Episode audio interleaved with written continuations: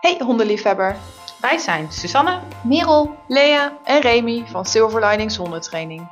wij gaan het elke week hebben over hondgerelateerde onderwerpen. van gedrag tot verzorging. En van training tot opvoeding. Dit is Hond in de podcast. En wat leuk dat je luistert. Hi, Lea hier. Welkom bij de eerste aflevering van het item Lea op locatie als onderdeel van Hond in de podcast. Zoals de naam al doet vermoeden, ga ik iedere aflevering bij een collega langs op locatie om in gesprek te gaan over allerlei zaken rondom hondentraining en hondenopvoeding. Tijdens elke aflevering maak ik, maak ik ruimte voor de rubriek Volgersvragen, waar ik ingezonden vragen van Instagram ga behandelen met mijn gast. Heb jij ook een vraag die je behandeld wil hebben, wilt hebben? Volg ons op @silverliningshondentraining en houd onze socials in de gaten. Vandaag zit ik bij een zeer gewaardeerd collega. Samen met zijn vriendin Debbie runt hij hondentrainings- en gedragscentrum Kinologisch Nederland in Hellevoetsluis. Hij is opgeleid door niemand minder dan Martin Gauws zelf en heeft jarenlang met Martin en zijn vrouw Helly samengewerkt. Al op zijn veertiende begon hij met het geven van hondentrainingen en op zijn 21ste was hij hoofdtrainer bij Martin Gauws in Lelystad. Na zijn carrière als hoofdtrainer ging hij werken in het bedrijfsleven als trainer van managementteams en begeleider van communicatieprocessen op de werkvloer. Daarna is hij gaan werken als instructeur bij de hondenbrigade van de politie en bij de unit specialisatie honden. Uiteindelijk werd hij gevraagd om te komen werken voor Hulphond Nederland. In 2022 bundelde hij de meest waardevolle lessen die hij van honden heeft geleerd in zijn boek Hond in Huis. Maar naast hondenmens is hij echt een mensenmens. Hij werkt met mensen met PTSS, doet therapietraining met kinderen, biedt een werkplek voor mensen met een fysieke en of mentale beperking of een afstand tot de arbeidsmarkt. Geeft coaching voor bedrijven en doet nog een hoop meer. Ook op het podium voelt hij zich thuis. Iedereen die hem ooit heeft zien spreken kan niet om zijn enthousiasme en zijn boeiende manier van vertellen heen. Hij is een van de weinige mensen die smart leerdoelen leuk kan maken en je met humor toch uitdaagt om kritisch naar jezelf te kijken. Want als je doet wat je deed, dan krijg je wat je kreeg. Ik heb het natuurlijk over Jeroen Ome, de hondencoach. Jeroen, wat onwijs leuk dat je deze eerste aflevering met mij op wil nemen. Ja, wat een eer, jongen. Superleuk dat je zo ver hierheen bent komen rijden. Maar ja, dat is niet de eerste keer natuurlijk, want je bent vanuit jouw enthousiasme, fanatisme en eh, drive om steeds beter te worden nog eens een keertje hier geweest. Maar Ja. ik voel me trots dat ik eh, de eerste mag zijn. Wat lief. Dankjewel. hey, eh, je hebt echt heel veel gedaan met hondentraining, met mensenbegeleiding, van alles. Ehm, zou je misschien voor de luisteraars even willen vertellen hoe je bent begonnen als hondentrainer? Ja, tuurlijk. Ehm, ja, het is, het is een beetje, het, is een, eh, nou ja, niet een moeilijk verhaal, het is heel makkelijk eigenlijk. Dus ik heb eh, zeer, zeer, zeer, zeer veel geluk in mijn leven. Altijd, altijd al gehad. En de eerste connectie met honden eigenlijk was toen een oom van mij. Eh, die kreeg een hond en die ging trainen op een hondenschool. En ik was er eigenlijk niet zo mee bezig, of stond ik me niet van bewust. Behalve dan dat ik de hond van de buren uit mocht laten. Maar we mochten thuis geen hond, mijn ouders vonden dat het eh, heel belangrijk was dat je een hond pas neemt als je ervoor kan zorgen. Met mijn broer en zus. Ehm, dus wij kregen geen hond. eh, maar mijn oom op een gegeven moment wel. Die ging trainen op de hondenschool. En die was zo bloedfanatiek dat hij door zijn enthousiasme en door zijn inzicht daar instructeur werd op de hondenschool. En ehm, nou ja, toen ging ik mee. En eh, ik heb eh, vanaf het begin af aan altijd al genoten. Maar ja, dat is dus echt meegaan om te kijken. Eh, bij de jachttraining ging ik meehelpen. Dus konijntjes wegbrengen en eenden opgooien. En Wat voor hond was het? hij had een Duitse herder. Oh ja. Dus Duitse herder, hij IPO-training mee. Dus verdedigingshondensport. Ehm ja, was dus ook acht jaar oud dat ik spoortjes ging lopen. En dus eigenlijk van het begin af aan heb ik verschillende vakken van, van hondensport al meegemaakt. Dus, dus van jacht en eh verdedigingshonden, behendigheid. Dus dat, eh, daar ging ik altijd kijken. Dus, dus elk weekend was ik eigenlijk met mijn oom op stap om te kijken naar de honden. En ehm, toen was het zo, ja, ik sta nog steeds versteld over, ook over stappen in mijn leven waar ik pas eh, met Martin en Helly ook nog gauws ook over gehad heb. Van hoe haal je het in je hoofd van iemand van 21, 22 jaar hoofdtrainer te maken van het, het instituut wat er, wat Martin Gauws was natuurlijk en nog wel is. Ehm, maar zo was het ook dat ik 14 jaar oud was en toen werd gevraagd dat ik les wilde geven bij de jachthondentraining. Dus, dus het enige wat voor mij telde was binnen de jachthondentraining was super gaaf om er ook cool uit te zien. Tenminste, voor mij dan. Dus iedereen had van die waxjassen. Dus die eigenaar van die hondenschool zei, wil jij een wakjas? Ik zei, ja tuurlijk, want dat vind ik zo gaaf. Ik zei, nou wil jij dan lesgeven bij de jachthondtrainer, dan krijg jij een wakjas. Dus dat was mijn eerste salaris en dat was mijn eerste baantje binnen de honden. Uh, lesgeven bij de jachthondentraining. Gaaf. En heb je dan, hè, want je hebt dan als um, hoofdtrainer gewerkt bij Martin Gauws, maar daarna heb je ook nog een hele carrière gehad. Ja, gelukkig wel. ja, nee. Hoe is dat allemaal zo? Want je hebt echt van alles gedaan. Nee, maar het is eigenlijk van, van, het, een, van, van het een naar het ander gekomen. Um, uh, bij Martin Gauws ben ik dus hoofdtrainer uh, geweest. Dus hoofdinstructeur was ik verantwoordelijk voor het hele opleidingstraject uh, van de honden die daar intern getraind werden. Dus er werden wekelijks 60 honden of zo getraind. Dat we trainersteam van de man of 15 denk ik. Uh, dus daar was ik verantwoordelijk voor. Maar ook om de eigenaren te scholen hoe zij met de hond door moeten gaan. Want je kunt een hond trainen of laten trainen door beroepstrainers. Maar ze moeten het doen, die eigenaar natuurlijk. Mm -hmm. um, maar naast het geven van, uh, van de begeleiding van de trainers was mijn voornaamste taak de instructeurscursussen geven. Dus, dus uh, opleiden van instructeurs, uh, gedragstherapeuten, co-assistenten van de faculteit. Dus ik, diergeneeskunde. Dus ik, ik was vooral bezig met lesgeven en daar lag mijn passie ook. Toen op een gegeven moment dacht ik van, joh, ik, ik vind het eigenlijk niet meer zo heel erg leuk om hoofdinstructeur te zijn. Want ik had toch ook soms het gevoel dat ik heel erg politieagentje aan het trainen was. Of dat de trainers hun trainingen wel deden. Of dat ze wel met de hond die uitvalt naar mensen naar het winkelcentrum waren geweest. Of de hond die uitvalt naar fietsers. Of dat ze met fietsers geoefend mm -hmm. hadden. Dus ik was er eigenlijk een klein beetje klaar mee om dat te gaan lopen controleren. Ik denk, je, je hebt een, een baan van je leven. En je bent allemaal volwassen. Ik heb daar eigenlijk niet zo heel veel zin in. Dus toen heb ik dat met Martin en Helly besproken. En toen zei ze van, nou... Uh, uh, we weten dat jij heel graag lesgeeft en dat je graag dingen ook ontwikkelt. Uh, we gaan nu het Martin Gauws Gedragscentrum beginnen. zou je het leuk, leuk vinden om hoofdopleidingen te worden? Dus, dus verantwoordelijk voor het, het opzetten van workshops, betrokken bij de KG-opleiding, als docent daar wat meer lessen geven. Dus, dus toen werd ik van hoofdinstructeur hoofdopleidingen. En even en, voor de luisteraars die KG, wat, wat betekent dat? Uh, kinloos gedragstherapeutopleiding. Ja, voor eigenaren die uh, nee, nee, dus de afkortingen voor, niet dus weten. Dat is, je hebt verschillende opleidingen tot uh, kinloos gedragstherapeut, kinloos instructeur. Uh, en dat was de, de EduPet Martin Gauws Academie. Mm -hmm. uh, dus de opleiding tot kinologisch gedragstherapeut was dat. En, en wat is het verschil tussen een gedragstherapeut en een kinologisch instructeur? Hoe, voor mij zit er zo verschrikkelijk veel verschil tussen. Uh, dus, dus je hebt een instructeur die mensen les geeft om om te gaan met de hond. En de gedragstherapeut is vaak dat ze wat dieper gespecialiseerd zijn dan problemen met de hond. En die op te lossen of in ieder geval de baas of eigenaar handvatten te geven dat ze het op kunnen lossen. Um, dus, dus dat uh, ben, ik, uh, ben ik toen gaan doen. En uh, heb ik wat meer een switch gemaakt richting het, het trainen en begeleiden van mensen. Nog meer eigenlijk. Ehm, naar aanleiding van dat stukje ben ik een NLP-opleiding gaan doen. Neurolinguistisch programmeren. Dus dat is vooral gericht op, op training en coaching van mensen. Um, en er komt een heel gek moment in mijn leven. ik was eigenlijk de hond een beetje zat. En de hond een beetje zat klinkt heel gek, want je bent honden niet zat. Maar het, het hele gedoe met trainen en, en uh, vooral het stukje waar ik altijd mee te maken had, is voor 99% agressie gerelateerde problemen. Dus het, het is altijd wel gedoe. Had ik eigenlijk zoiets van, joh, ik heb er eigenlijk niet zo heel veel zin in. Uh, mijn ex en ik gingen uit elkaar. En toen uh, dacht ik van, ja, weet je, dan ga ik gewoon iets anders doen. En iets anders kwam, ja, twee dagen later op mijn pad. ja, er was iemand die zat op cursus bij ons en die die uh, nam contact met mij op en dan zeg joh, ik ben uh, interim manager bij een uh, energiemaatschappij in, in Goes, in Zeeland. En dan ben ik bezig met het opzetten van een front office. Ik ben het, bezig met het, het managen van het managementteam en die, daar een team van te smeden. En wat ik gezien heb met jou met de lessen op de hondenschool en wat ik gelezen heb over je achtergrond, denk ik dat jij een hele goede aanvulling zou kunnen zijn in mijn interim management opdracht. Wil jij mij helpen? En dan zeg ik, ja, tuurlijk, ja, waarom niet? ja. Dus, uh, dus dat ben ik gaan doen.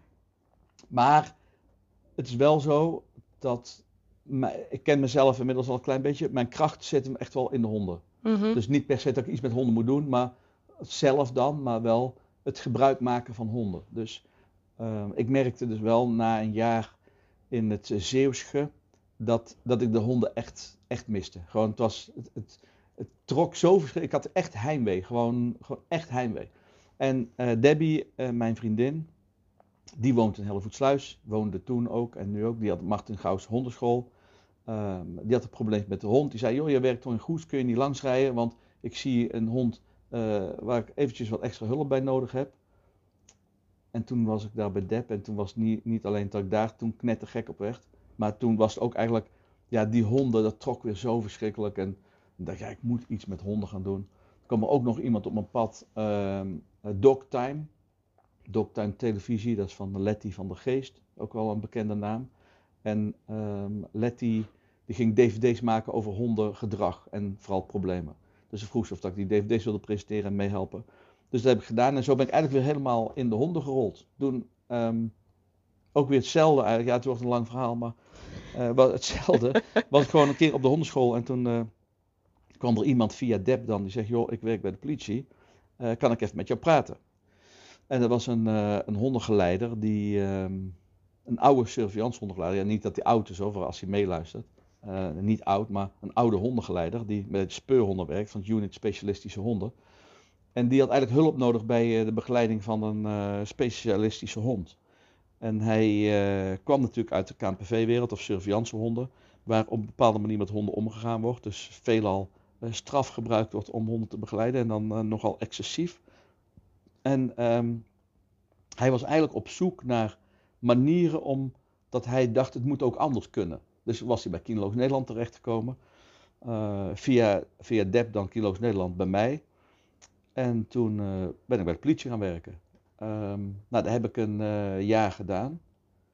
Eh, Dat was een opdracht voor een specialistische hond. Nou, ik weet niet of we daar nog dieper op ingaan straks. Maar dat, dat is sowieso iets waar ik niet te diep op in mag gaan. Omdat dat, omdat dat eh, honden zijn die geheime dingen doen. Mhm. Ehm, en eigenlijk ja, het was weer hetzelfde. Ik was eh, klaar met, eh, met mijn opdracht bij de politie. En eh, drie dagen later word ik gebeld door Hulp op Nederland. We hebben gehoord dat je vrij bent. Eh, we zoeken een managertraining die overkoepelend verantwoordelijk is voor het hele traject van puppy, fok en aanschaf tot de aflevering naar de cliënt. Het is haast alsof mensen gewoon zitten te wachten bij hun telefoon totdat Ja, ze zien dat jij Ja, maar ik noem het klaar echt, bent met een klus en dan... ja, ik weet, maar ik noem het echt, ik noem het echt geluk. Het is gewoon echt, of geluk. Ik, het is wel zo dat ook voor degenen die eh, werkzaam zijn in hondenland en die hier naar luisteren, collega's, jonge collega's, die ik heel graag inspireer en die altijd welkom zijn, zeg ik er maar even bij. Eh, het is niet zo dat het meest komen aanwaaien. Dus, dus mensen, Nee. hè, ik zeg altijd ik heb geluk en dan zegt ook iedereen ja, maar je hebt er ook heel hard voor gewerkt. En dat is, dat is wel een dingetje wat, wat wel zo is. Het is niet, niet allemaal, het, het is als vanzelf gebeurd, maar Mhm. ja, ik heb wel wat voor gedaan. Oké, en dan even doorspoelen naar de huidige situatie. Dus je woont nu in Hellevoetsluis Ja. samen met Debbie. Ja. Heb je ook honden thuis? We hebben twee honden.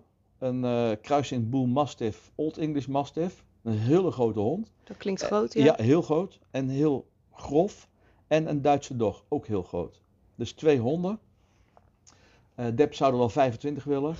maar, maar die Duitse dog is gewoon te lastig om er andere honden bij te doen. Dan maken we niemand gelukkig mee. Mhm. Eh, en wij, wij hebben een, een keuze gemaakt toen wij samenkwamen. Eh, ik heb kinderen en die had ik toen ook al. En toen zei Deb, joh, even heel duidelijk. Het zijn jouw kinderen, het zijn mijn honden. Dus, dus de, de keuze Klinkt die hele grote honden, ja, ja daar is ook geen discussie over, echt helemaal nul. Dus, eh, dus het is best wel, die, die grote honden, ja, het is niet, niet per se dat ik op grote honden val of zo. Ik vind het wel fantastisch en, en het zijn echt, mijn, nou ja, mijn kinderen niet natuurlijk, want ik heb kinderen, maar echt knettergek op ze. Mhm. Maar ik heb zelf wel dat ik iets eerder voor een ongecompliceerde type hond zou gaan. Ze zijn niet de makkelijkste.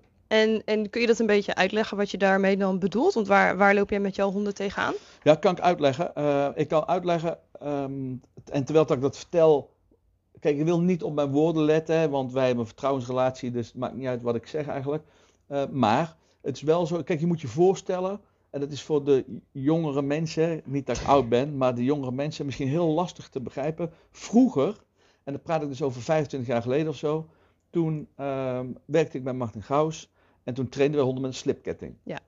Een Ja. slipketting is, is een, een ijzeren ketting die, die je dan op een, als een P om moet doen bij die hond.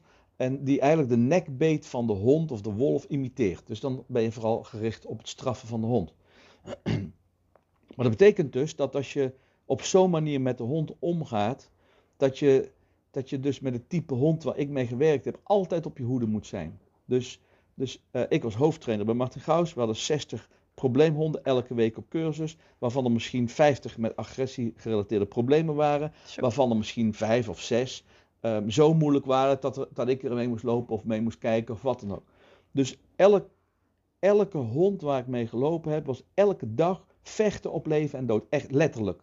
Dus, en dat, hè, mensen die haken nu misschien af, dat moet je niet doen, want ik wist niet beter. Dus wij wisten niet beter met slipketting. Maar dat was dus echt vechten op leven en dood. Dus ik, ik heb zoveel ervaring met, met honden met agressie, of waar je op moet letten, of van die gecompliceerde gedragingen. En dan heb ik het nu over wat grotere honden, maar klein net zo goed natuurlijk. Dat ik zelf, voor mezelf, zoiets heb van joh, eh, doe maar gewoon eentje die, die geen problemen heeft. En voor mij dan, en zonder te veel te generaliseren of mensen tegen de borst stoten, voor mij is bijvoorbeeld een Labrador typetje of een kruising Labrador is gewoon zo'n Mhm. simpele ziel die niet vooruit te branden is, die alleen maar op de bank wil liggen kroelen en op bed op je hoofd wil liggen. Oh ja. Weet je wel, zo'n typetje ja. vind ik wel eh, lekker. En, en dus die van ons, eh Sjoef, dat is de Duitse dog, die heeft een omslagpunt gehad toen zij eh, een maand of zeven was.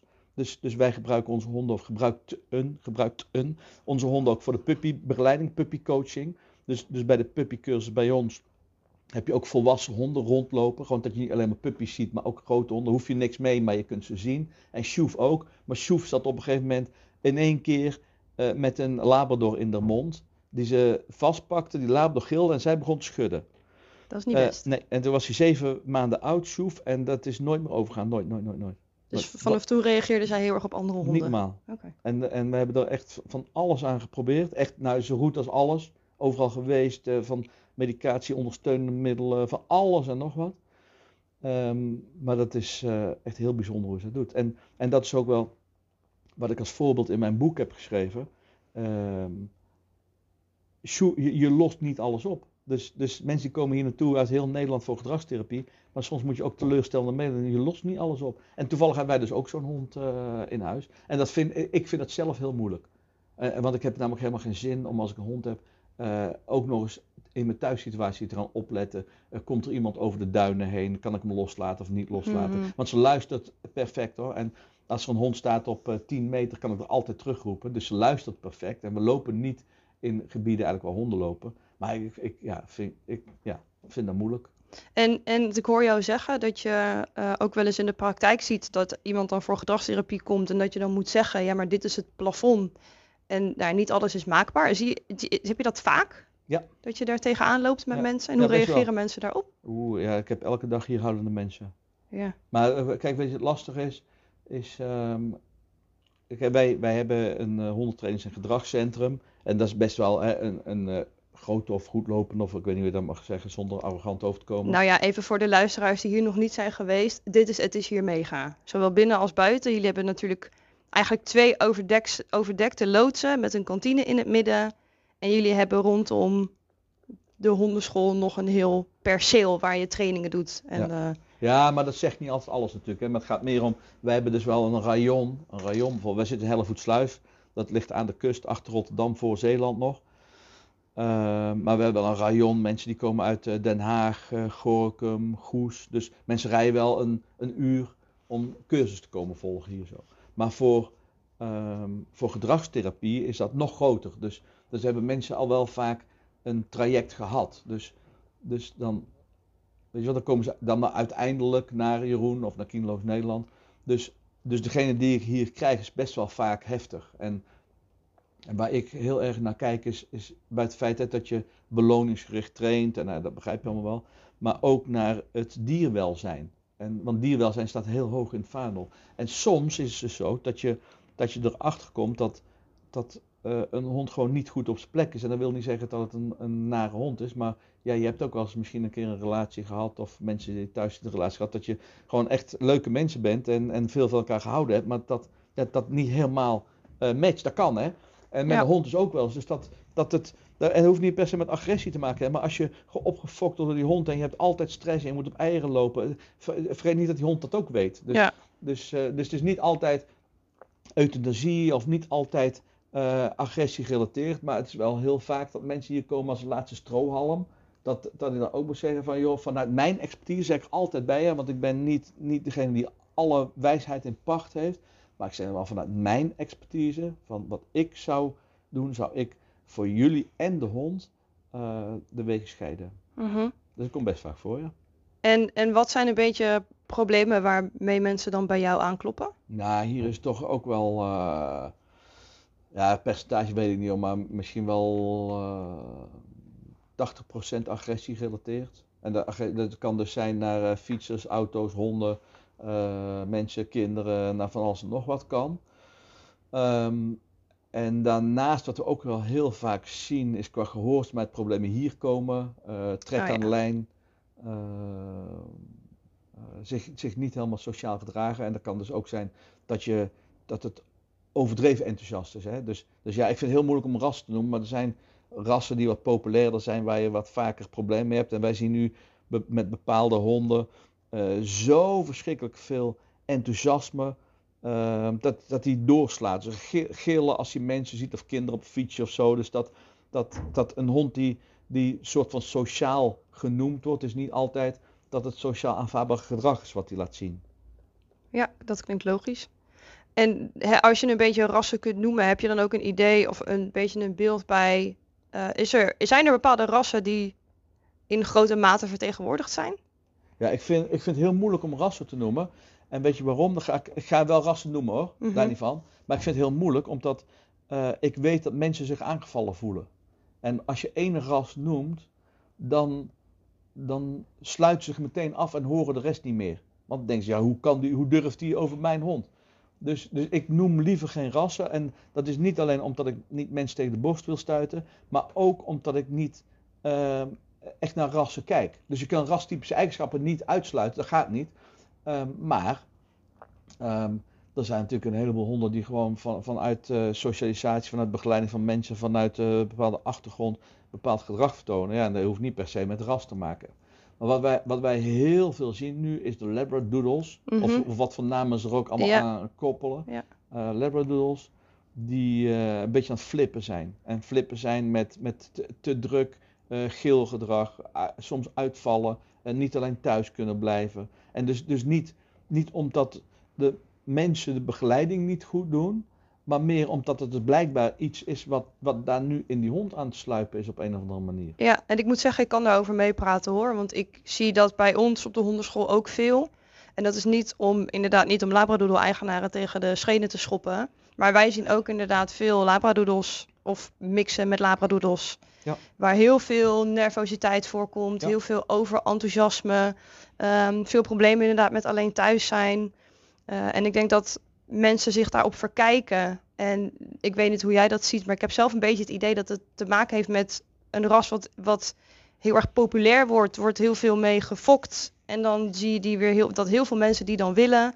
Ehm, en dat er dan, omdat er zoveel vraag naar is, op een gegeven moment bepaalde ja, problemen bij insluipen, lijkt het wel. Nee, dat is, dat, ja, dat is, dat is. Kijk, en ik ben, ik ben al wat ouder. nou, stop ik erover, hoor, want zo voel ik me niet. Maar, maar, maar ik heb wel trends, mee, trends meegemaakt. Ja, Dus, dus eh, ehm, ik heb ehm, bijvoorbeeld, ik weet niet of dat je die kent, ik weet niet waar die van is, Dreamworks of zo, de film Babe, ken je ja de border collie van bo- Babe. Ja, die Ja. border collie. Ja. Nou, dus de film Babe kwam uit en ik denk dat wij een jaar later van de 60 honden die bij Gauws intern zaten, misschien wel 20 border collies, die met probleem die fietsers, auto's opjagen, de boel stilleggen op straat, dat soort dingen. Mhm. Ehm, eh, commissaris Rex, de Duitse herder. Ja. Hebben we de Duitse herdertrend gezien. Toen ik echt begon bij Martin Gauws, was de Golden Retriever ehm, heel erg populair. Eh, de Banner Senne. heb ik- Dus, dus je hebt allemaal van die trendhonden. Ja, Dalmatiërs. Dalmatiërs. Maar, en wat, weet je wat is met de trend? Als je een, als je een trend hebt en je fokt zo'n hond en, en er zijn heel veel goede fokkers natuurlijk, hè, dus daar eventjes eh, daar gelaten. Maar dan is de wil om geld te verdienen is gewoon ook best wel aanwezig. En, en hoe groter de vraag is, hoe liever je wil gaan, gaan produceren eigenlijk. Dus, dus als je een, eh, weet ik veel, een tennisbal creëert, zet je je tennisballenmachine ietsje sneller, dat er meer tennisballen komen. Nou, met een hond kan je dat ook doen. Ik zie, ik, en, en ook, ik veroordeel het weer niet, hè. Maar ik zie wel eens honden hier van fokkers, die hebben 24 teven uitstaan bij gastgezinnen. En die komen dan even om te werpen. En, en dat wil niet altijd zeggen dat het, dat het fout is. Eh, Hoewel ik wel een mening heb dat, dat ik vind dat zo'n hond in een veilige omgeving moet bevallen. Ja. En weet je wel, dat, dat de kleinschaligheid vind ik wel iets, eh, iets beter. Maar de- ja, mensen gaan fokken en die kijken dan niet meer zo nodig naar ouders en naar achtergrond. Denken van hoppakee, eh, had ze flats en dat gaat weer eh 3000 euro eh, per pup bij van spreken. Dus eh, ja, daar gaan, ze, daar gaan ze dan. Oké, en heb je dan tips voor mensen die dan, stel er komt een hond die wordt weer populairder, er zijn veel mensen die die willen hebben. Nou, nu is dat dan bijvoorbeeld een labradoodle, dus laten we hem daar even op houden. Stel iemand wil heel graag een labradoodle, waar moet hij dan op letten als hij op zoek gaat naar zo'n pup? Nou, dus, dus er is een heel goed filmpje en een goede website eh, van de Koninklijke Hondenbescherming. En dat is de website Fairpup. En Fairpup gaat niet alleen hierover natuurlijk, hè, maar, de- maar gaat, gaat eigenlijk over eh, de malafide fok, de honden uit het buitenland die met eh la-dingen hier naartoe komen soms. Mhm. Ehm, en de Fair Pup Check is eigenlijk een soort van checklist. Waar let je, waar let je nou op bij een, eh, een fokker? En, en toevallig help ik daarbij en, en presenteer ik dat filmpje en werk eraan mee. Eh, maar dat is voor sommige mensen die, die beginnen aan een hond wel een soort van leidraad om eens mee te gaan beginnen. Mhm. Dus, dus ehm, ik heb er nu ook twee honden op cursus zitten die echt heel erg gecompliceerd zijn, eh, die uit de schuur vandaan komen. Ehm, een, een schuur vol met verschillende soorten rassen. Dus, dus was voor mij eh Labradoodles zaten daar, Poedels, Benessenes, Jack Russells en Labradors, dacht ik.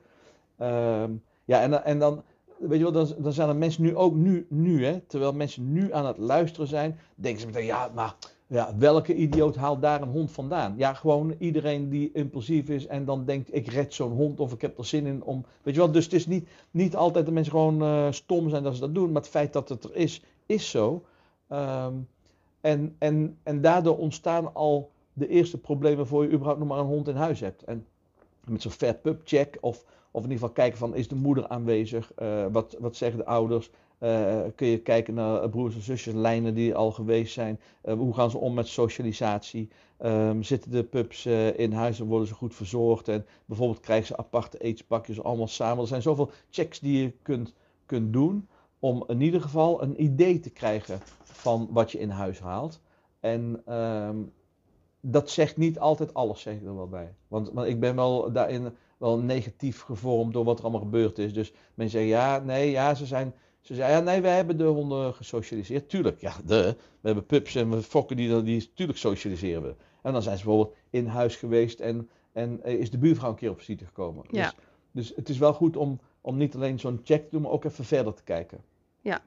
En gebruik je gezond verstand inderdaad. Ja, maar dat is vaak eh, lastig. Lastig. Ja. Zeker natuurlijk als je op een plek komt waar al die schattige leuke pups zitten. Eh, En je, wil- ja, ja, dat niet, dat en als niet er alleen sneu hoor. bij zitten. Ja, ja, ik kan zeggen dat niet alleen, want ik zie juist ook vaak eh, honden die, die ergens in de schuur zitten, in de scheid of in de zaagsel. En dat mensen zeggen van ja, maar ja, die hond moet gered worden. Ja, begrijp ik. Dus wij zijn, wij zijn zo. Maar dat betekent wel dat je iets op je hals haalt waar je de rest van je leven ellende van hebt. Of Ja. zijn leven. En dat je natuurlijk ook iets in stand houdt onbedoeld. Ja. Ja. Ehm, en verder, ik weet niet of jij dat ook ziet, maar ik zie bijvoorbeeld bij ons ook best wel wat herders die veel reactiviteitsproblemen hebben bijvoorbeeld. Is dat iets wat jij hier ook terugziet? Eh, Ja, ja, ja. Ja, wij, wij zien, wij, zien dat, wij zien dat wel veel eigenlijk. Het mooie wat wel zo is, is dat wij eh, een manier hebben of een aanbod hebben waarbij dat we wel goed kan mannen eigenlijk. Dus, ehm, dus mensen komen wel sneller naar ons toe, zie ik. Dus, dus met, eh met herdertypetjes, dat mensen wel bewust zijn van wat ze in huis halen. Geregeld, niet altijd hè. Ehm, en wij, wij gaan dan redelijk snel met ze speuren, bijvoorbeeld detectie, eh training, dat soort dingen, om, om dat stukje extra wat ze hebben, waar mensen niet altijd voor stilstaan, wat ze in huis halen, om dat wel dusdanig in banen te kunnen leiden dat die kan ontladen en dat je daardoor al wel problemen kunt voorkomen, of in ieder geval eh, in de hand houden. Ja. En, en waarom detectie en speuren? ja, omdat ik daar gek op ben.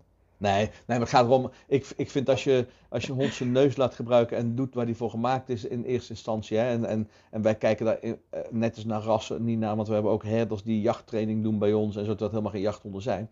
Maar de inzet van de neus en minutieus dingen afzoeken om te kijken of dat daar een bepaalde stof verstopt zit. Ja, dat doet zoveel met zijn kop en met zijn energie. Dat als je een kwartier eh, gaat, eh, gaat zoeken met detectie bijvoorbeeld, dat dat niet opweegt tegen eh, anderhalf uur wandelen bij spreken. Ja. En, Ja. da- en dat, zie ik, dat zie ik nog wel eens honden die wat, die wat later in dat traject bij ons komen.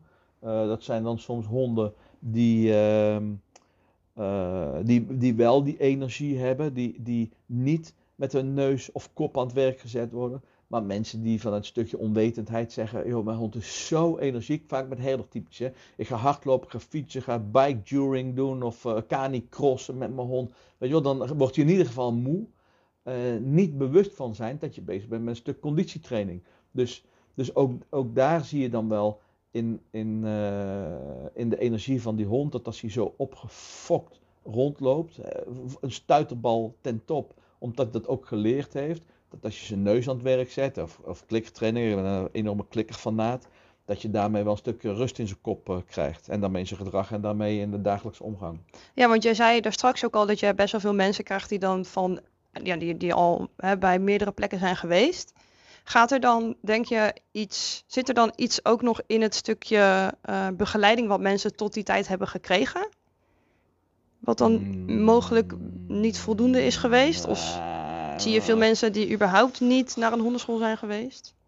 Nee, de, ze hebben, de meeste ko- zijn er wel al ergens geweest. Maar, maar dat, weet je, ik, ik, ik, ben, ik ben niet iemand die dan zegt dat de begeleiding niet goed is geweest. Zo. Dus, eh, dus, want dan zou het lijken dat ze hier terechtkomen en dat ze dan daarvoor shit begeleid zijn.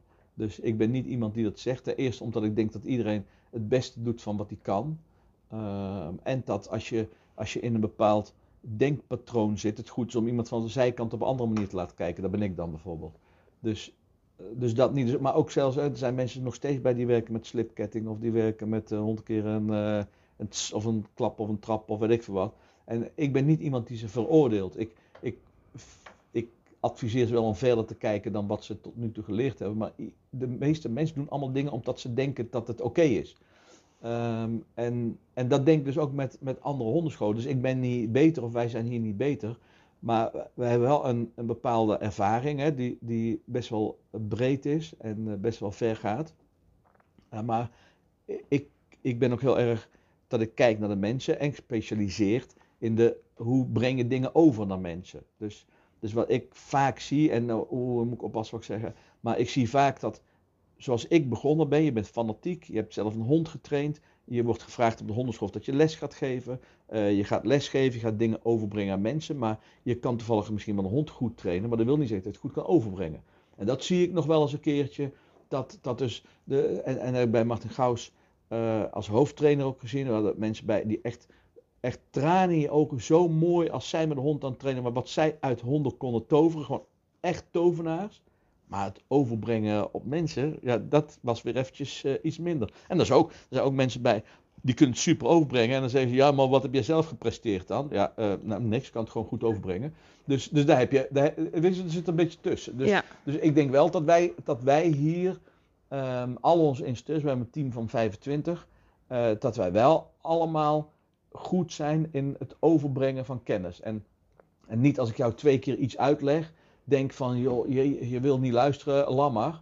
Uh, maar ik ga uitzoeken wat maakt dat je niet wilt luisteren of wat er nog meer aan mogelijkheden zijn om het jou uit te leggen op een andere manier. Mm -hmm. Want waar voldoet volgens jou goede mensbegeleiding aan? Wat moet een, een instructeur in zijn rugzak hebben om goed mensen te kunnen begeleiden? Oh, je vroeg van tevoren van, uh, zijn er vragen die ik niet mag stellen? Nou, deze dan. Want daar moet ik echt over nadenken. Uh, nou ja, kijk, ik ben, ik ben natuurlijk uh, best wel self-made man, maar wel geschoold door NLP ook. Dus Mhm. mm -hmm. NLP heeft mij wel heel veel gebracht. Uh, in de vorm van dat ik bewust ben van hoe mensen in elkaar zitten en hoe ze communiceren. Dus iedereen doet dat op zijn eigen manier. En als ik bijvoorbeeld visueel ben ingesteld, ik ben visueel ingesteld, en ik ga jou dingen allemaal laten zien en tekeningetjes maken, filmpje laten zien, terwijl dat jij een ultiem gevoelsmens bent, dan komt datgene wat ik laat zien, komt bij jou niet binnen. Want jij, hè, je, je, je voelt hem niet. Je hebt, je hebt niet eh, dat je eh, je verbonden ermee voelt, zeg maar. Mhm. Ehm, maar als ik begrijp hoe jij in elkaar zit, en jij bent een gevoelsmens, en dan kan je die hond laten vasthouden, dan kan je je hand op zijn, op zijn zijkant zijn hartslag voelt, wat gebeurt nu met die hond, dan, dan in één keer kan het best wel zijn dat dat, dat kwartje valt. Dus, dus het, begint denk ik met te begrijpen wie heb je tegenover je, en wat heb je daarvoor nodig om daarbij aan te sluiten? Binnen NLP dat rapport, dus dat je in rapport komt met degene die tegenover je zit, dat je op één lijn komt. En, en binnen de NLP is een van de uitspraken, in rapport kan alles, buiten rapport kan niets. En, en jij, jij bent er getuige van, want je hebt ook wel eens met een bepaalde blik naar mij gekeken van, oh, oh hoe kun je dat tegen, tegen klanten zeggen? Maar dat kan omdat ik geleveld ben en in rapport kan alles en daarbuiten kan niks. En, en dat is, dat is eh, het, het, het is te ver om te zeggen dat is een kunst, maar het is, het is wel een manier wat mij betreft om het verschil te kunnen maken. Mhm. Dus dat je op één lijn komt met. De- één de lijn met je, eigenaar. met je eigenaar, met je klant, om, om op, op zijn manier uit te leggen eh, wat er moet gebeuren. Ja. Oké, en, en hè, jullie werken ook met, met klikkertraining, zei je net. Kun je een beetje vertellen over wat jullie hier allemaal doen en wat jullie visie daarin is met het trainen van honden? Ja, dus, dus ten eerste, eh, ja, of, eh, hoe lang hebben we nog? Nog een uur of twee? Ja, zo ongeveer. nee, dus, dus heel even terug naar het begin, helemaal, helemaal terug hè. En anders doen we wel twee uitzendingen. Dat dan gaan we nog een keertje doen. Ka- Maar even helemaal twee. terug naar het begin. Helemaal terug naar het begin. Was er, er was mevrouw Gauws, eh, die, die heel veel binnen de organisatie van Gauws deed met de ontwikkeling. En die leest alles en doet alles. Die weet alles. Helly weet echt alles. En ehm, die kwam met mij eh, eh, met een boek. Don't Shoot the Dog. Mhm. Don't Shoot the Dog van Karen Pryor. Ja. En die zegt, joh, dat moet je eens even lezen. Dus eh, ik heb dat boek lezen, maar goed, ik ben niet zo heel goed met Engels met lezen. Sowieso niet met lezen. Ongeveer na een half bladzijde ben ik mijn concentratie kwijt. Dus ik heb dat gelezen en toen stond er positive reinforcement en negative reinforcement en, en weet ik veel wat er allemaal stond. Kun Dus je, ik, kun je een klein beetje eh, eh, uitleggen wat positive reinforcement en negative Nee, want reinforcement wist is? ik veel wat was. Nee, dat kan ik nu niet uitleggen. En nu, nu zijn er een hele hoop mensen die nu de podcast uitzetten, want die denken, wat Nee, is, nee, nee, want is daar kom ik nog op terug. Nee, daar Oké. kom ik nog op terug. Eh, maar, maar dus dat wat die mensen nu hebben die hem uitzetten, dat had ik dus ook. Mhm. Dus ik heb mijn boek dicht gedaan. Ik zeg tegen Helly, nee hoor, nee, nee. Wat- wij doen is gewoon prima. En het werkt toch? Dus ze zei Helly, nee, nee, nee, nee, nee, nee, nee. Ik wil dat je erin verdiept. Jij bent hoofdtrainer. Ik denk dat we een andere weg op moeten. Dus wij gaan, Helly en dochter Sasha en ik, wij gaan eh, naar Karen Pryor. Die, die kwam toevallig eh, een, een week volgens mij, of, of een paar dagen naar eh, Birmingham in Engeland. Wij gaan daar naartoe. Dus ik daar naartoe. Beetje schortvoetend, maar ik vond het wel leuk. Dus ik daar naartoe. Ik kijk naar Karen Pryor, dag 1. dag 1 zag ik een goudvis door een hoepeltje zwemmen.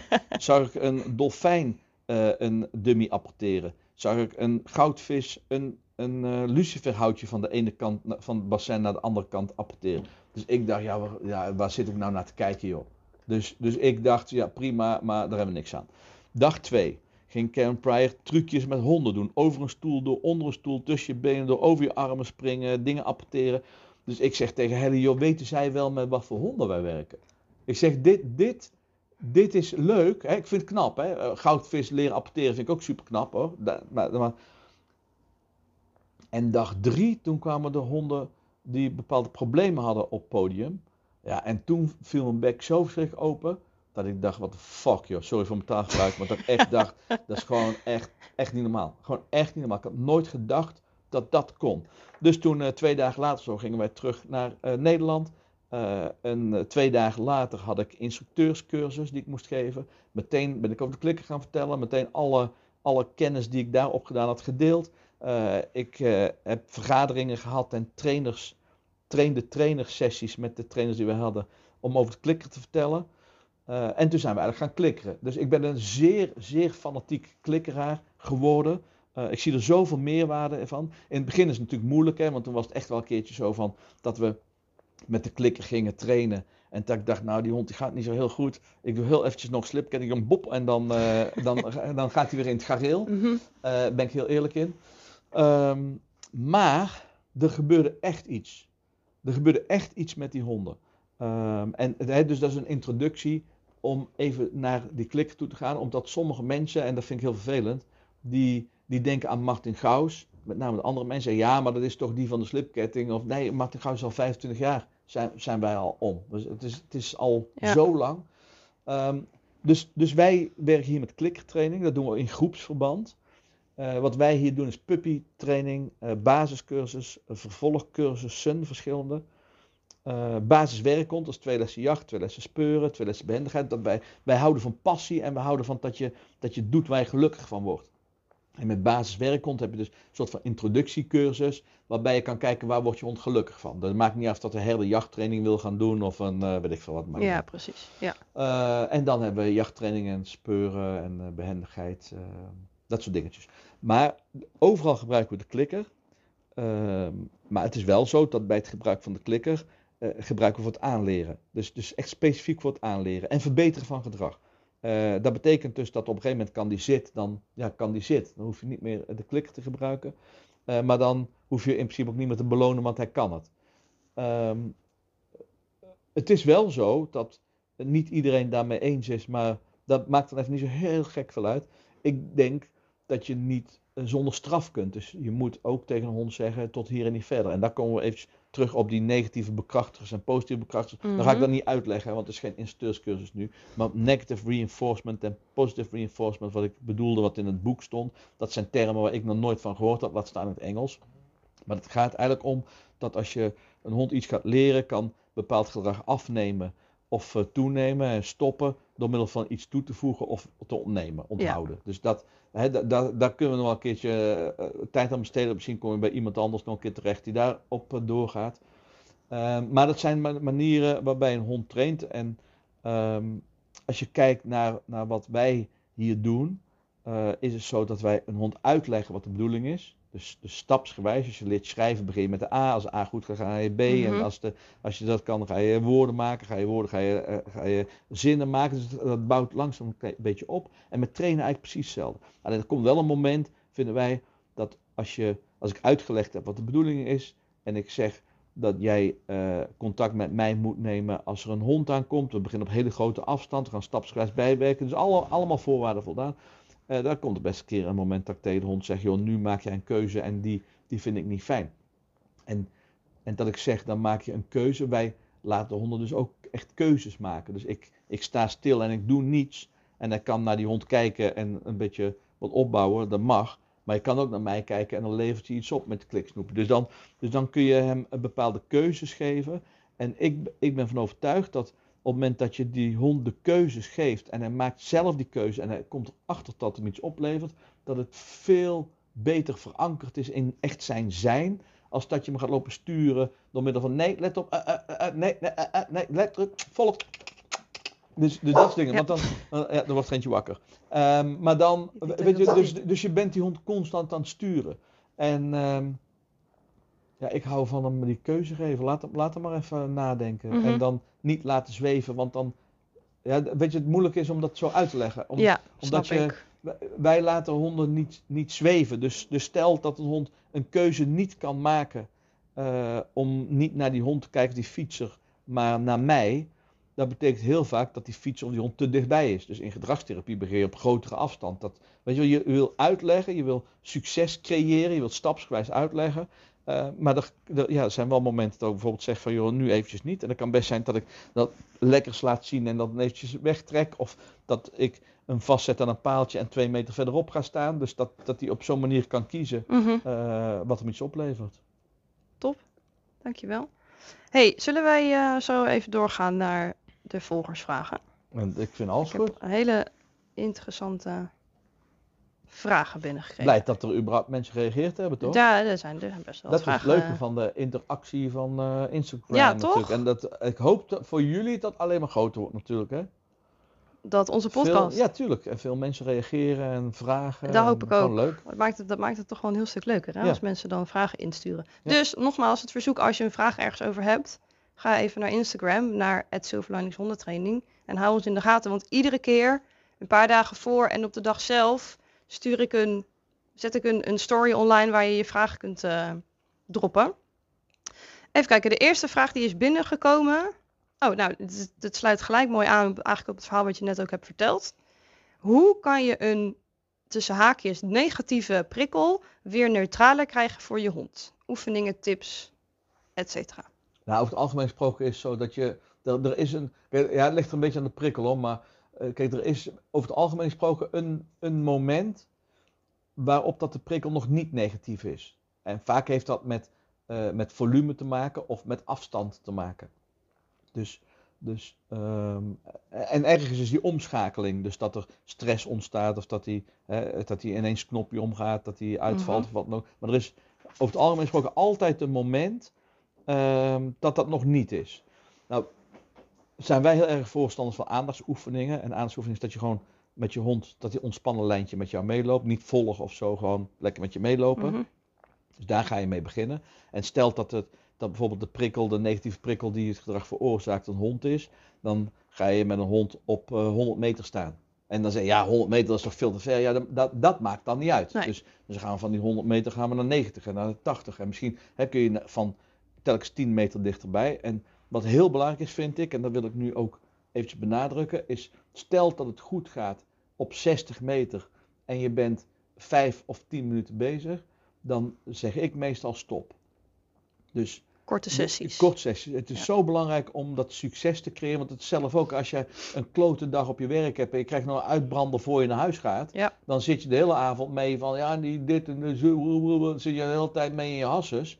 Terwijl dat als je naar huis gaat en je, of je spreekt even uit of gewoon een goede dag, dan eh jovelstemming. Ja. En wat ik vaak zie, en, en wat ik zelf meegemaakt heb, eh, eh, dat is een stukje ervaring wat ik zelf heb met het trainen van honden, is het algemeen gesproken, als ik zelf met een hond train en ik denk, oh, nog één keer, dan stop ik al. ja, Ik stop altijd, ik ga, ik ga nooit meer dat is de dan danger zone. Nog, Ja. één, nog één keer proberen, ik doe het gewoon niet meer. En eh, ja, dat is gewoon, eh, gewoon eh, duizenden keren de fout ingaan. Ja, en, dat nu, is het Nu doe ik het gewoon echt niet, echt nooit, nooit, nooit. Nee. Ik zeg nooit, nooit, maar nooit. in principe nooit. Ja. Nee. En het is inderdaad, de hond bepaalt de afstand. Dus jij kunt 100 meter wel ver vinden, maar als jouw hond zegt niet om. op 100 meter doe ik het goed en voor de rest nog niet, dan zul je dat moeten volgen. Ja, en dat kan ook met volume bijvoorbeeld. Als je bang Ja. is van geluiden, stofzuigen of wat dan ook. Dus eigenlijk- Dus eigenlijk, als je, eh, op, om de vraag te antwoord te geven, je zorgt dat, eh, dat de negatieve prikkel op een dusdanige afstand of niveau is, dat het nog niet die stress of reactie veroorzaakt. Daar ga je op het gedrag focussen wat je wel wil en dan stapsgewijs eh, opbouwen. Top, dankjewel. Er is nog een vraag en die is, welke opleiding heb je gedaan? Ehm, ja, voor, mij, voor mijzelf is het dat ik de opleiding heb gedaan intern eh, als, als kind dus eigenlijk al. Ehm, ik heb bij, toen ik bij Marten, dus, dus gewoon, gewoon, ja, gewoon niks eigenlijk. Eh, daarna ben ik bij Marten Gauws gaan werken. Toen heb ik de instructeurscursus daar gevolgd. Dus die heb ik wel eh, gedaan. Eh, en nadat ik die gedaan heb, ben ik ze zelf gaan geven. En, en daar is het gestopt. Dus, dus gestopt in de vorm van een opleiding. Ik heb dus geen officiële opleiding. Ik heb de KG-opleiding meegeschreven. Ik heb de kinologisch gedragstherapeut-opleiding, de instructeurscursus meegegeven en ehm, geschreven en ontwikkeld als eh, hoofdopleidingen bij Martin Gauws. En dat is er gewoon helemaal bij ingeschoten dat ik het zelf gedaan heb. Dus ik ben wel iemand die geen papiertje heeft. Ehm, eh, en, en eigenlijk ja, kan dat tegenwoordig niet meer. Maar om daar nog wel iets over te vertellen. Eh, voor de collega's die meeluisteren en zo. Zorg dat als je iets met honden wil gaan doen, verdiep je in, in, in hoe het werkt. En ga zoveel mogelijk ervaring opdoen. Ga kijken als iemand nog een keer met slipketting loopt zonder te oordelen. Want ik, ik ben blij dat ik met slipketting getraind heb, want ik weet waarom dat ik nu niet meer corrigeer. Maar ik had nu pas iemand die deed een opleiding, ga geen namen noemen van opleiding, wat ook, maar deed een opleiding. Dat was een opleiding tot hondencoach. Eh, die duurt eh, drie maanden ongeveer, drie, vier maanden. En daar hoef je geen eh, stage voor te lopen. Hm. Dus zij vroeg, kan ik stage bij jou lopen? Ik zeg, ja, welke opleiding? Ja, hondencoach. Oh, die ken ik niet. Nee, nee, maar dat is ook normaal eigenlijk, want je hoeft er geen stage voor te lopen. Je doet gewoon een opleiding. Ja, dat, dat gaat bij mij meteen scheef in mijn hoofd. Denken, hoe, hoe, hoe, dat, gaat, dat kan gewoon echt niet. Dat kan Nee. echt niet. Maar ik ben dus een ervaringsdeskundige en voor de rest niet, eh, behalve instructeur 1 en 2 van Matt Gauws, maar voor de rest eh, nada. Top, dankjewel. Dan is er nog een vraag, hoe kan ik werken aan het zelfvertrouwen van mijn hond? Ja, dat, kijk, het lastige van, van vragen van, eh, over honden is, is als je niet helemaal goed ziet eh, in welke context, is het moeilijk uit te leggen. Dus ik kan wel wat voorbeelden geven hoor. En het, het, het voorbeeld, eh, of tenminste wat je tegenwoordig veel hebt, is natuurlijk eh, filmpjes, telefoon en WhatsApp. Dus het is best wel vaak als iemand een vraag heeft van hoe kun je meer zelfvertrouwen geven, dan zeg ik van nou, eh, film heeft je context waarin dat je het niet heeft. Want, en, en dan wat de hond doet en wat jij doet. Want dan kan ik op een eenvoudige manier even via mijn telefoon kijken van. Dus, dus geen zelfvertrouwen. eh, dat, kan, dat kan zijn omdat hij niet genoeg gesteund wordt. Dat kan zijn omdat hij niet precies weet wat je van hem bedoelt. Eh, kan zijn in een context met andere honden. Dat andere honden hem overdonderen, overweldigen. Waarin hij eh, ondergesneeuwd wordt. Eh, dus dat, dat zijn verschillende situaties waarin dat zou kunnen gebeuren. Ehm, het belangrijkste vind ik altijd dat als je het hebt over zelfvertrouwen van de hond, dat, je, dat jij samen met hem iets gaat doen. Dat jij zorgt dat hij kan groeien. En dat kan zijn door zoekspelletjes te doen, kan zijn successen met klikkertraining, dat je, dat je hem laat nadenken en dan komt hij er zelf achter. Moet zitten, oh, en dan zie je hem groeien in zijn gedrag van ja, lekker zeg. Maar, maar dus, dus zo kun je een hond wel laten groeien, maar ik weet niet of dat dan de context is waarin dat dit bedoeld wordt. Maar eh, Lea die gaat nog dit eh, verder uitwerken. Er komt eh, online, eh, er komt een hele podcast eh, spul omheen. En degene die het gevraagd heeft en die wil specifiek daar een antwoord op, dan moet je via Lea even contact met me opnemen. Maar, maar voor- het antwoord dat ik nu kan geven is eh, dit eigenlijk zo. Dankjewel. Ehm, dan, hoe kan je de aandacht van je hond buiten krijgen als hij alles ziet behalve jou? Voer werkt niet. Eh, dat is een hele goeie. En wat je, wat je vaak ziet, of wij hier, is dat mensen zeggen voer werkt niet. En dan zeg ik altijd heel, heel hard eigenlijk, eh, meestal werkt voer wel als je hem drie dagen geen eten geeft. Eh, nou ja, hè, dat, is, dat is dan wel weer overdreven, maar ehm, je zou wel bijvoorbeeld kunnen zeggen, wat wij doen, is laten we eens iets meer, iets meer werken voor zijn voer. Dus voor honden is het vaak allemaal vanzelfsprekend. Hè? Dus hij loopt een rondje buiten, of die uitvalt of niet, of dat hij trekt aan de lijn of niet, of dat hij oplet of niet. Hij komt thuis, krijgt ze vreten. S S'avonds, middags, precies hetzelfde. Ehm, terwijl dat als jij voer als motivatie wil gebruiken en hij heeft zijn buik vol of hij weet dat hij altijd zijn uit eten kan krijgen, ja, dan maakt hij maakt andere keuzes. Dus als je zegt van joh, ik, ik ga het voer mee naar buiten nemen en dan moet je bijvoorbeeld wel wat extra lekkers erbij doen. Want het meest sterke bekrachtigingsschema, beloningsschema waar je hond het meest gelukkig van wordt, is de variabele interval. Dus wat komt er nou en wanneer? Dus je hele zak vol met kaas of je hele zak vol met worst of je hele zak met eh, snoepjes van weet ik veel wat. Dat, dat is het ook niet, maar de onvoorspelbaarheid, wat komt er wanneer een keer? Een kattenbrokje, een keer een vrolijkje, een keer een eh, kaasje, weet ik veel wat. Zorgt ervoor dat je, dat je hond eh, geïnteresseerd wordt om te kijken wat komt er dadelijk. En op het moment dat je bijvoorbeeld ook een deel van zijn eten buiten laat verdienen, dat als hij met jou bezig is, dat hij daarvoor kan krijgen, zie je ook dat hij meer met jou bezig is. Dus, dus dat, vind, dat vind ik. En wat je zou kunnen doen, is eh, je hebt bepaalde situaties dat je hond hè, door alles afgeleid is, maar dat is een heel erg gegeneraliseerd woord, alles. Dus het kan ook zijn dat iemand bijvoorbeeld bedoelt honden of kinderen of wat dan ook. Dus dat je kijkt, als er specifiekere prikkels zijn dan, dan alles, ehm, dat je dan die prikkels opzoekt en dan ook daar weer eh, op een afstand gaat oefenen dat je eh, contact hebt met je hond. Dus op een iets grotere afstand en dan eh, weer belonen, want misschien wil hij op dat moment wel het voer aannemen. En nog één ding, voer is niet, niet eh, zaligmakend, want je hebt er ook honden bij die als je een balletje meeneemt of een bal aan een touwtje of een flos touw of wat dan ook, dat je, dat je dat als beloning aan kunt bieden, waardoor hij dan een andere keuze leert maken. Ja. Maar nog één ding, oh ik blijf bezig. nog één ding, als je dat oefent, probeer te zorgen dat die aandacht komt vanuit de hond zelf. Dus niet de hele tijd lopen ouwe hoeren om let op, let op, volg, dat soort dingen. Maar draai het om. Op het moment dat hij op je let, dan pas aandacht geven. Want dan draai het om en dan gaat hij ook eerder keuzes maken. Omdat hij weet dat dat iets oplevert en niet dat met de rest van de wereld bezig zijn. Top, dank je. Nu de laatste vraag. Welke casus is jou door de jaren heen het, best, het meest bijgebleven en waarom? Ja, ik kan me voorstellen dat je daar even over na moet denken. Met alle... Ja, laten we dan even pauze inlassen, dat de boel uitzetten. Nee, ja, dat, is gewoon, dat, is gewoon, dat kan ik niet zeggen. Nee, weet- ja, nee, ik kan het gewoon niet zeggen. Weet je, het zijn er zo verschrikkelijk veel, zo on- ontzettend veel. En dat is, het is heel erg, heel erg ehm, eh, verschillend. Dus, dus ik heb bijvoorbeeld casussen gehad waarbij, eh, waarbij eh, mensen het niet meer zien zitten met hun hond. En eh, doorverwezen zijn door een eh, hondenschool naar de dierenarts voor euthanasie. Eh, en dat, dan toch nog een second opinion willen. En dan hierachter komen dat je met bepaalde dingen of medische oorzaken uitsluiten of zo, dat je, dat je wel nog verder kunt komen. Dus dat is, dat is vaak wel heel bijzonder. Ehm, nou, ik heb ook een, een hond gehad, volgens juist andersom, die, ehm, die euthanasie geadviseerd was. Was nog bij Martin Gauws hoor. En eh, nou ja, die mensen wilden niet hun kindje en zo, dat begrijp ik ook.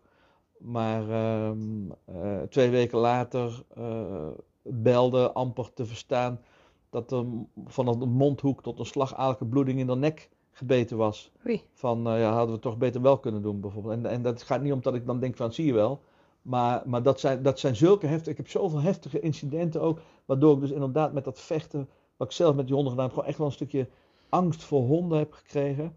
Eh, en, nu niet meer, want het is natuurlijk heel anders als je met een hond omgaat. Maar ik denk meestal. ehm, nee, ik weet het eigenlijk niet. Het is, het is elke dag, echt elke dag zitten hier mensen vol emoties die hun. eh, Ik denk het, wat me het meeste bijstaat, wat mij het meeste raakt, of het meeste, meeste raakt, denk ik, is telkens weer te zien wat een impact een hond heeft op het leven van mensen. Gewoon sowieso.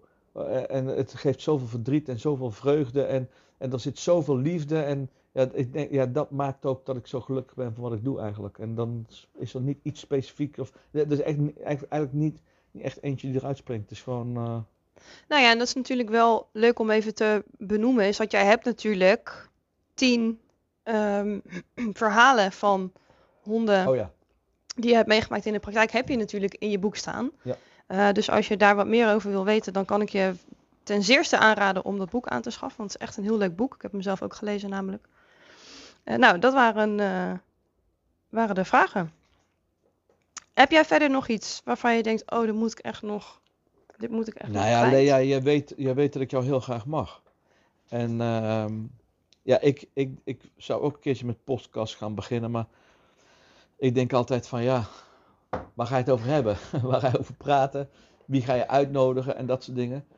Eh, maar nu, nu zie ik er de lol wel van in eigenlijk. Dus, Leuk, eh, dus als jij zegt van joh, ik vind het leuk om een keertje terug te komen op specifieke dingetjes of wat dieper ergens op in. Of mensen die hebben vragen of die willen nog meer hè, naar aanleiding van deze podcast. Dus ik, ik vind het leuk om te, te doen en te zeggen. Ik kan niet zelf zeggen van ik wil daar graag over hebben, want, want dan, dan, gaan we, dan blijven we door. Want eh, ja, ik vind het gewoon echt te gek. Ik vind, echt, gek. ik vind ongelooflijk, echt ongelooflijk eh, wat honden betekenen voor mensen. En, en ik heb het zelf geregeld. En we wonen hier eh, dan aan zee en dan zie je wel eens mensen fietsen met zo'n fietsmandje met een hond voorop of achterop of achter in de auto die hond naar buiten kijkend, zo meeschuddend in de bochten uit het raam, niet weten wanneer het toe gaat of juist wel. Het is zo ongelooflijk en ook wat ik dan met politieagenten met PTSS doe of met kinderen met allerlei stoornissen. Het is, het is zo bijzonder wat honden kunnen brengen en ehm, ja, daar ligt mijn passie en dat, dat maakt dat ik graag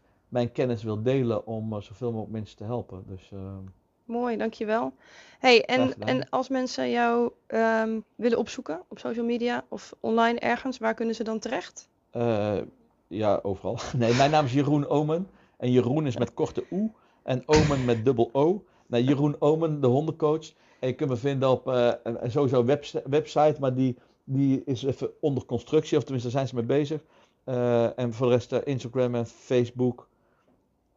En TikTok volgens mij ook.